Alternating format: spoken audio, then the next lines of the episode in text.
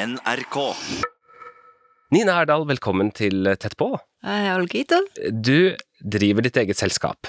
Nina Casting and Costumes. Ja, stemmer det. Ja, og nå sitter vi i lokalene dine, og du har akkurat vist meg rundt. Et fantastisk spennende lokale. En sånn skattkiste. Ja, det er jo det, skattkiste, ja. Det jeg bruker å liksom ta folk på omvisning når de er her og si at dette er mitt precious, dette er skattkammeret mitt. Det ja, det er to store kostymerom, et lite auditionrom, et kontor, og så et studiorom som vi Vi må ha en space der vi kan sette antrekkene. Det kostymerommet er kanskje det mest sånn spesielle, da. Det er to rom smekkfulle med klær i alle sjangre og fasonger. Ja. Det var en gang en stylist som sa til meg du kan lage hva som helst med det du har her. Jeg har veldig mye, og jeg er veldig takknemlig, for jeg, jeg får donasjoner. Eh, Folk, i stedet for å gi til eh, Fretex eller gjenbruksbutikker, så kommer de til meg. Og så velger jeg ut det jeg vil ha, og det er jo som, som regel tidstypiske eller spesielle plagg. Og så lar resten gå videre til gjenbruksbutikken. Og noe av det er samisk. Ja, hva er det du er på jakt etter? Det kan være alt mulig rart. Um, jeg vet jo aldri hva neste film er. Er det 70-tallet, eller er det nåtid, eller er det 1800-tallet? Var oppe i eh, Honningsvåg eh, for et par uker siden med Knut Erik Jensen, og da styla jeg 40-tallet. Eh, De brente ned Finnmark, ikke sant, tyskerne, og så var det alt det som skjedde der. Og, og så, så vi, vi filma faktisk eh, statister og skuespillere på vei i båt og på vei sørover, liksom. Og de hadde liksom bare tatt på seg klær i full fart. og det var da å finne rette paletten. og Jeg prøvde å få litt samisk inn der også. Hadde litt samisk sjal og noe, noe komaga og litt sånt. Ja. Så jeg prøver egentlig alltid å blande det samiske inn, om så hvor lite. Ja. Men at det er med på alt jeg gjør. Litt, i hvert fall. Ja, hvorfor det? Jeg er stolt av å være samisk, altså. Selv om at jeg ikke har vokst opp i et samisk miljø. Jeg vokste opp i Tromsø, født her, og samisk mamma, eh, norsk pappa. Eh, jeg har hørt samisk daglig. Jeg har aldri lært språket. Jeg har jo hørt mamma snakke med sine søsken, og det har vært et levende språk i vårt hus, men aldri til meg. Her om dagen så var det noen her på, på audition til, til noen greier, og så snakka hun samisk med faktisk mora mi på telefon, da, og så og så skjønte jeg jo alt de sa, og jeg bare responderte på norsk på det de sa. Hæ, forstår du? Jeg bare, ja. Altså, jeg, jeg skjønner litt av språket, selv om jeg ikke snakker det sjøl. Jeg syns det er et fint språk, og, og jeg er glad for at jeg har det. Det, det spesielle er ekstra, liksom. Jeg var jo i utlandet i masse år. Mange visste ikke noe særlig om, sam, om asepmi, eller når jeg sa at jeg at jeg var sami. Bare what's that, liksom? og det å skulle begynne å forklare og sånt. Men, eh, men jeg jobber jo som modell, og, og da Det var litt artig, for da visste de ikke helt hvordan kategori de skulle putte meg i. Så jeg så jo ofte at jeg havna med halvasiater. Castingbyrå. ja. Hva, hva er det du gjør når du skal caste? Ok, jeg er hele tida og ser etter folk. Overalt hvor jeg er, om jeg er på bussen eller i køa på toalettet toalett på et utested. Altså, jeg, de rareste plassene har jeg funnet folk. på eh, Vannsenteret så sto jeg i køa, og så var det noen eh, i køa der på toalettet. Og han trodde jeg prøvde å sjekke han opp. Men det gjorde jeg jo absolutt ikke. Og han endte opp med å, å bli med i byrået og gjøre oppdrag, så det var artig. Han Hisham, som, som var den første som ga meg et oppdrag med film, det var jo i 2005 eller 2006, og da kasta jeg jo en på busstoppet. Ja, gjør Ja, det? ja, for da skulle, skulle det være mindreårige um, asylsøkere. Hvordan går du fram da? Hvis det bare er liksom et utseende jeg liker, så kan det hende at jeg bare går opp til dem, og ikke for å være for intimidating, så sier jeg 'her er kortet mitt, jeg syns du ser kjempespennende ut', har du lyst til å, å tjene penger på sånn som du ser ut, så ta kontakt med meg. Okay. Jeg jobber med reklame, mote, film etc. Ja. Og så går jeg. Så de får ikke så veldig mye rom til å si noen ting, men de fleste blir jo veldig sånn wow, og de aller fleste tar kontakt. Kanskje to tredeler tar kontakt. Gjør det? Ja. Eh, og så er det jo noen som ikke gjør det, men da var det ikke for dem. Sant? Det er jo mange som ikke har lyst til å vise seg frem, eller på den måten. Så, eh, og det var jo sånn jeg ble oppdaga sjøl òg. Du har en så spennende historie, for at du var 19 år, var det ikke det? Mhm. Da du eh, bestemte deg for å prøve deg i England. Ja. Som au pair i utgangspunktet, Ja, eller? ja, jeg var au pair i noen måneder, ja. Ja. Ja, altså jeg kom vel i januar, og i eh, april allerede hadde jeg fått en annen jobb. Det var liksom bare på en måte billetten inn, eller, eller for å komme seg dit og ha en plass å bo og Ja. Ikke det at jeg lurte noen, men men jeg tror ikke jeg egna meg så veldig som au pair. Altså sånn Det var liksom ikke det som var drømmen, på en måte. Hva, hva drømte du om, da? Det var jo form og farger og noe som ikke ble identifisert mens jeg var ungdom, egentlig. For det er noe som jeg alltid har hatt, og, og min take på det, da, det var å dra til London, for der var det mot hovedstaden i, Europa. Og så um, begynte jeg å jobbe på en butikk, da. Heldigvis så, så de de her talentene mine, og, eh, og jeg fikk en utdanning innenfor eh, visual merchandising. Fra butikken? Ja, de hadde sånn eh, ordning. Det var diesel. Det var ei dame som kom og fulgte meg opp, og hadde timer med henne. Helt fantastisk. National Vocational Qualifications, et diplom som jeg fikk til slutt. da. Så var verdt masse penger, og som diesel betalte. Så du ble headhunta i butikken, nærmest? Ja, da? ja, de så at jeg var flink, og jeg var vel da Kanskje jeg var ca. 20. 21 år. Ja. Hvordan ble du modell, da? Jeg var på dieselbutikken, og så var det ei dame som kom og spurte om jeg ville kunne tenke meg å bli tatt pol- polaroidbilde av til en eller annen kampanje. og det var egentlig litt vanlig. Det var liksom ofte at det var folk som tok litt bilder i Covent Garden der jeg jobba, så det var liksom ikke så voldsomt der og da. Men så eh, tok hun det polaroidet, og så tok hun kontakt senere, og, og det viste seg at eh, det var jo ikke bare polaroidbilder, det var jo faktisk en verdensomspennende kampanje for Bodyshop. Hvor du var modell? ja, jeg var modell, og, så det var jo kjempeartig. og, og de var jo tydeligvis fornøyd, fordi at de brukte meg jo eh, tre ganger til som modell, altså Bodyshop, så jeg gjorde jo tre kampanjer, eller fire sammen. Mm. Så du liksom en sånn gigantbilde av deg sjøl i, i London, eller? Ja, jeg så det i butikkene Ja, det gjorde jeg. det var jo kjempespesielt. det var jo en annen tid, ikke sant. Nå er jo alt digitalt. Eh, På den tida der så var jo alt analogt, og de tok polaroidbilder ikke sant, når vi var på shoots og til forskjellige magasiner eller kampanjer. Og da gikk man jo da og gleda seg til at bladet kom ut. Ja, ja, ja. Da sprang jeg bort til eh, kiosken og bare bladde igjennom og håpa at å, det kom ut. det var tider, det, altså. Det var gøy. Og så i 2003 gjorde jeg min eh, siste jobb. Og det var faktisk for britiske Vogue. Oi. Ja, så det, det er jeg veldig stolt av. Det var bare ett bilde, det var ikke en hel moteserie eller noe sånt, men eh, det var greit å avrunde med det. og så kom jeg hjem. Men du, det er litt kult at, at du fikk så mange av de mulighetene ved å jobbe i butikk. Ja, altså det er jo sånn at eh, når man er i Covent Garden, eller Det er jo der eh, ta- talentspeiderne er og ser. Men det med at du ble satt sammen med andre, andre som hadde en fornemmelse av en sånn annen etnisitet, da, en, Ja. ga det deg en fordel å ha et samisk utseende? Ja, jeg tror eh, Altså i, i tillegg til at jeg hadde kanskje, kanskje et ganske androgynt utseende også, i tillegg til å, å ha det samiske, så ble det en veldig god kombinasjon. Så da fikk jeg oppdrag. For den, på den tida der var det jo hva vi snakker nå, slutten av 90-tallet, begynnelsen av 2000. Sant? Da hadde jeg den riktige looken akkurat da. Eh, Og jeg hadde riktig alderen, og jeg fikk være med på masse artig. Både foto og Ikke så mye visninger. Jeg var bare med på tre visninger på Landet London Fashion Week, for jeg er så lita. Jeg er bare 1,65. ja, og Kate Mossen er også ganske lita, men hun er høyere enn meg. Jeg jobba sammen med henne én gang. Jeg Og gjorde vi, vi gjorde en eh, Rimmel-reklame i lag. Yes. Ja. Så du har jobba altså med de mest berømte modellene i verden? Ja, altså, jeg skal, skal ikke skryte for mye, men eh, ja, var i en reklame med henne, og så, ja.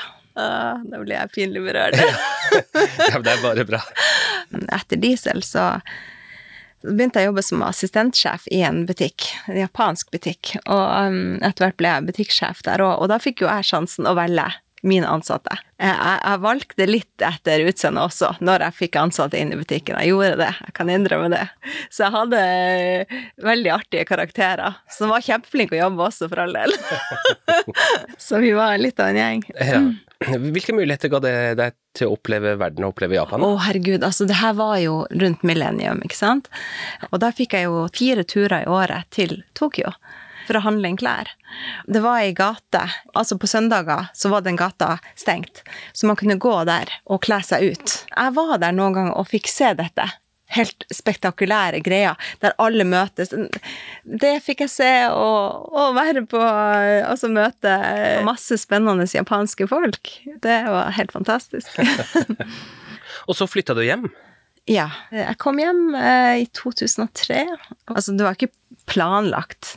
Noe skjedde, og det var sånn Nå må jeg faktisk hjem, og da slapp jeg alt av de hendene. Det var noe som skjedde, og så, så dro jeg bare hjem. Tilbake til Tromsø. Ja. ja. Etter å ha sett og opplevd verden sånn sett. Da. Hvilke miljøer søkte du da du flytta tilbake igjen?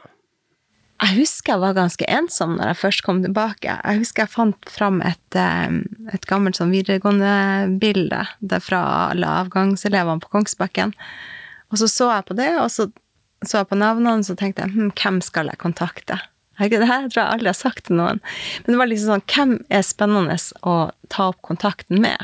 For sånn, man vokser jo fra hverandre. Og det hadde jo skjedd da, og, og de vennene som jeg en gang hadde, de var kanskje ikke på, på min bølgelengde lenger. Og så tok det noen år før jeg fant egentlig min gjeng. Og den gjengen er jo mye egentlig folk jeg jobber med, og folk som er i den her eh, greia mi som foregår nå. Mm. og det var det jo egentlig i London òg, at eh, de som jeg jobba med, ble mine beste venner også. Jeg har jo noen gode gamle venner også, selvfølgelig, men, men det er noe med like barn leker best. Mm når jeg kom til Tromsø, så fikk jeg en telefon om å lage en moteserie.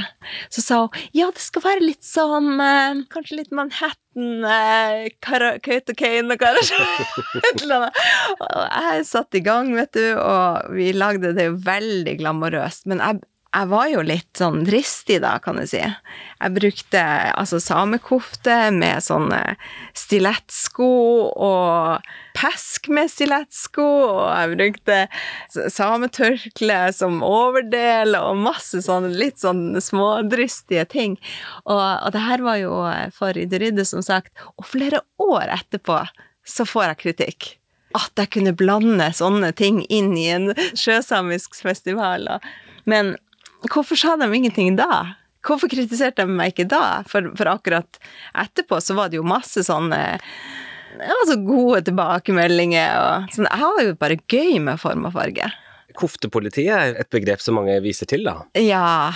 Jo da, jeg har uh, hatt min uh, fair share av, uh, av, kritikk der, altså. Ja. Det har jeg. Til og med gode venner av meg har sagt at, at man kan ikke blande inn dette med dette, liksom. og der jeg kunne ha sett det visuelle, og, og, vært litt sånn naiv på det. Det var en gang en sjøsame som sa til meg ja, men du kan, jeg kan jo ikke ha fjær her på dette. Og det var jo noe jeg ikke hadde tenkt på i det hele tatt. Ja. Men hva tenker du nå, noe som du kanskje kjenner enda mer til, da? Jeg tenker at litt sånn slingringsmonn må det jo være. Altså, man må jo ikke være så hårsår på det. Jeg har vært oppe i situasjoner der eh, regissøren på en film har ville hatt noen ting, og jeg har sagt at dette går ikke. Og så har han fått gjennomslag på det uansett, for han er sjefen. Og så har jeg fått kritikk fra det samiske miljøet, og de sier det er min feil, og at, at jeg driver med skjult rasisme fordi jeg bruker feile ting. Men det kunne ikke vært uh, lenger borte fra sannhet. Og sånne ting sårer meg veldig, for jeg vil jo aldri trå noen på fotene eller noen ting som helst. Jeg bruker bare mitt Eh, kunstneriske uttrykk, ikke sant. Av og til så, så har jeg kanskje trådt feil. Det er sånn skjørt? Det, det, er veldig skjørt, faktisk, fordi at jeg vil jo ikke noe ondt. Jeg vil jo bare vise fram fine ting hele tida. mm. Er du overraska over at du har møtt på det? Nei, kanskje ikke, fordi at det er jo mye sårhet i det samiske. Det har jeg jo opplevd. Altså fra mange forskjellige hold, liksom. Så um, og der jeg tenker sånn, ja, men herregud, man må jo bare være stolt av det. Man må jo bare vise seg frem og vise de uttrykkene man har. Og, og det var en gang Det var faktisk noen Hun er journalist i um, Sagat som intervjua meg. Hun sa jeg husker den tida, liksom begynnelsen av 2000-tallet. Du og han Halvard Rundberg tok det her samiske og gjorde det så kult. For dere tok jeans og, og belte og sko og sånn, og gjorde det til litt sånn allemannseie. Og, og gjorde det som en slags streetstyle og kul ting. Og jeg skal ikke ta på meg noen form for ære for det, men det var kult at hun sa det. Ja. Men eh, vi, det vi gjorde da på den tida der, det var jo moteshow, ikke sant. I Narvik så hadde jeg noe sånn eh, workshop som heter samisk eh, street style, eller noe sånt. Det ble en greie, liksom. Det å, um, å kunne bruke det samiske tilbehøret litt sånn annerledes. Ikke med kofte. Hvis, bare, hvis vi røsker bort kofta, hva har vi igjen da? Og så bruker vi bare det med masse kule street-ting. Mm. Men det er mange år siden. Herregud, det er 15 år siden. Er du mer konservativ nå enn det du var da? Ja, altså for eksempel eh, til tolvte mann, da, så fikk jeg jo Jorunn Løkvold til å sy kofte opp, altså en karosondokofte. Det skulle være riktig i forhold til eh, altså hvordan så ei kofte ut på den tida, ikke sant, 40-tallet. Kortere ermer og så videre, og ja. Og jeg ble kjempefornøyd med resultatet. Men tar du færre sjanser nå, tror du? Jeg tror nok det. Jeg er blitt voksen. Altså, når jeg kom fra London, så var jeg veldig sånn der uh, liksom. jeg, jeg, tror nok jeg, jeg, tenker meg om et par-tre ganger ekstra nå. Fordi at jeg har følt litt på det der eh, hårsåret. Mm, Uten at eh, Jeg sier ikke det er noe galt med det, men jeg tror bare kanskje folk tar det opp i feil mening. Altså, folk sier kanskje at jeg er litt skjødsløs, men jeg er jo ikke det. Jeg er jo bare stolt. Jeg vil jo bare vise fram tingene våre. Hvordan kan vi komme til et punkt hvor man eh, slapper kanskje mer av da, med seg sjøl? At man ikke er så redd for at faste uttrykk utfordres? Nei, jeg, jeg tror kanskje det er en, dette et stort lerret å bleike. Altså, det Jeg håper jo vi kommer dit. Og det er jo bedre nå enn det var. Jeg tror nok samene i dag har det mye bedre enn for 20 år siden. Men uh, det, vi er ikke helt der jeg skulle ønske vi var, i forhold til det med å være stolt over det samiske og bare Nei, jeg, det er vanskelig å svare på. Men ikke helt i mål? Nei, jeg syns ikke vi er helt i mål på det, og det er litt kjedelig, men uh, sånn er det. Jeg bare tenker på, Da du, da du kom tilbake igjen fra London, Ja. oppsøkte du aktivt samiske miljøer? Ja, jeg gjorde faktisk det på et tidspunkt, for jeg begynte jo å studere. Jeg gikk jo um, økonomi og administrasjon på høgskolen. Eh, Det gikk ikke så bra. Jeg slutta. Eh, matte er ikke noe for meg. Iallfall så på den tida der når jeg var student, eh, så oppsøkte jeg Samisk studentforening og, og prøvde liksom å, å, å være med. Og de hadde faktisk en lavvo innendørs, og jeg gikk inn i den lavvoen der og prøvde å liksom være med. Jeg følte ikke at jeg ble supergodt mottatt sånn med en gang. Men jeg har jo fått samiske venner, for all del, liksom. Jeg har jo følt på den der litt at, at kanskje jeg ikke er samisk nok. Den der 'jeg har ikke språket'.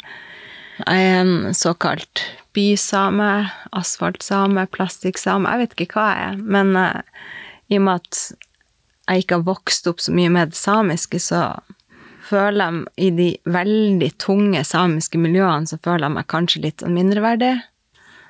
På grunn av at ikke jeg har alt. måte. Men har det endra seg til det bedre? Uh, nei, jeg vet ikke hva jeg skal si. Um, jeg tror nok dem som kjenner meg, vet hva jeg står for. Men jeg har hørt at liksom Ja, ja men du er jo, du er jo mer norsk, liksom. Fra Så- samisk hold? Ja, ja. Selv om at jeg, um, jeg har en samisk Eller min, min akko er død, da, men hun kunne jo ikke norsk. Hun lærte seg jo aldri språket. Så jeg har det jo veldig nært, på en måte. Men samtidig mm, så er jeg vokst opp her, i en stor by, og Tromsø Det er jo en veldig stor by, nei da. Nei, jeg, jeg tror nok det også um, Det har forbedringspotensial. Det er så mange måter å se på det eller de samiske samfunnene på, tenker jeg da. Altså, Ja. På en måte så er det veldig sånn samlende og sånn sterkt sosialt fellesskap, og virkelig sånn en berikelse å være en del av, da. Ja.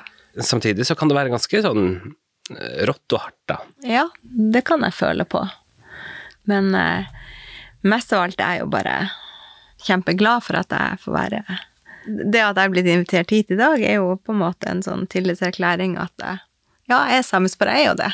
Selv om folk av og til bare Ja, men du har jo ikke et samisk etternavn. Altså Mange som ikke har det. Ja, ikke sant? ja. Hvordan begynte du med film?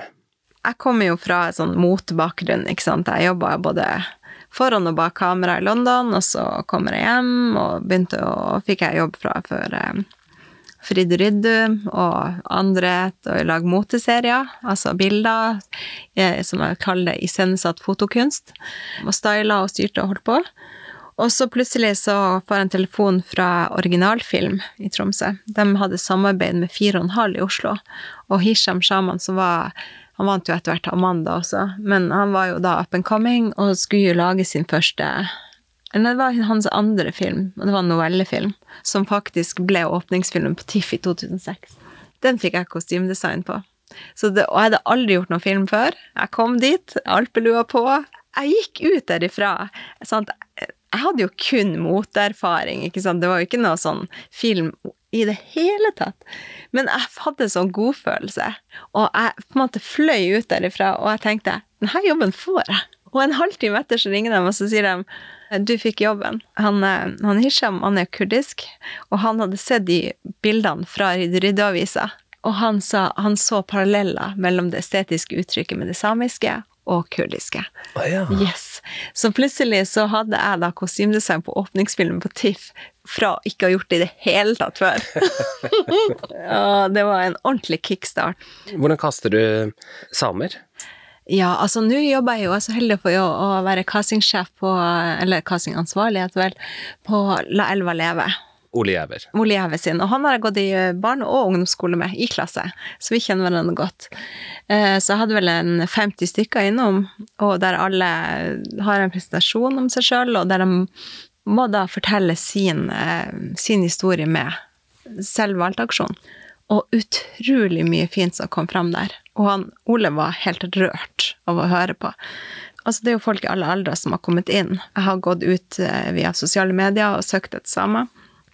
Og de som meldte seg på, har jo vært ja, i alderen eh, 10 og opp til eh, 80 år, kanskje. Og noen av de har vært med i aksjon sjøl og sultstreika, og helt fantastisk jobb når du står der bak kamera og hører de her historiene. Å, herregud, for frysninger. altså, da føler jeg at jeg gjør en bra jobb, og jeg tror Ole kommer til å lage en kjempefin film. Og jeg har lest manuset, selvfølgelig, og han har snakka med de rette folkene, sånn at det blir riktig. Ja, for det er det mange som er bekymra Ja, over, har jeg lagt merke til, da. ja, akkurat det at en da ikke skal komme og lage en film om dette. Mm. Det er kjempeskummelt. Hvordan skal dette bli bra? Men han har gjort eh, bra research og snakka med de rette folkene, og, og jeg tror det her blir veldig bra. Stiller folk opp? Ja, det vil jeg si. Altså, det var mange som meldte seg på det. Både de som, eh, som er litt sånn hardbarka samisk, og, og de som er sånn, sånn som meg, som ikke kan språket, men som har en, en sterk samisk identitet likevel.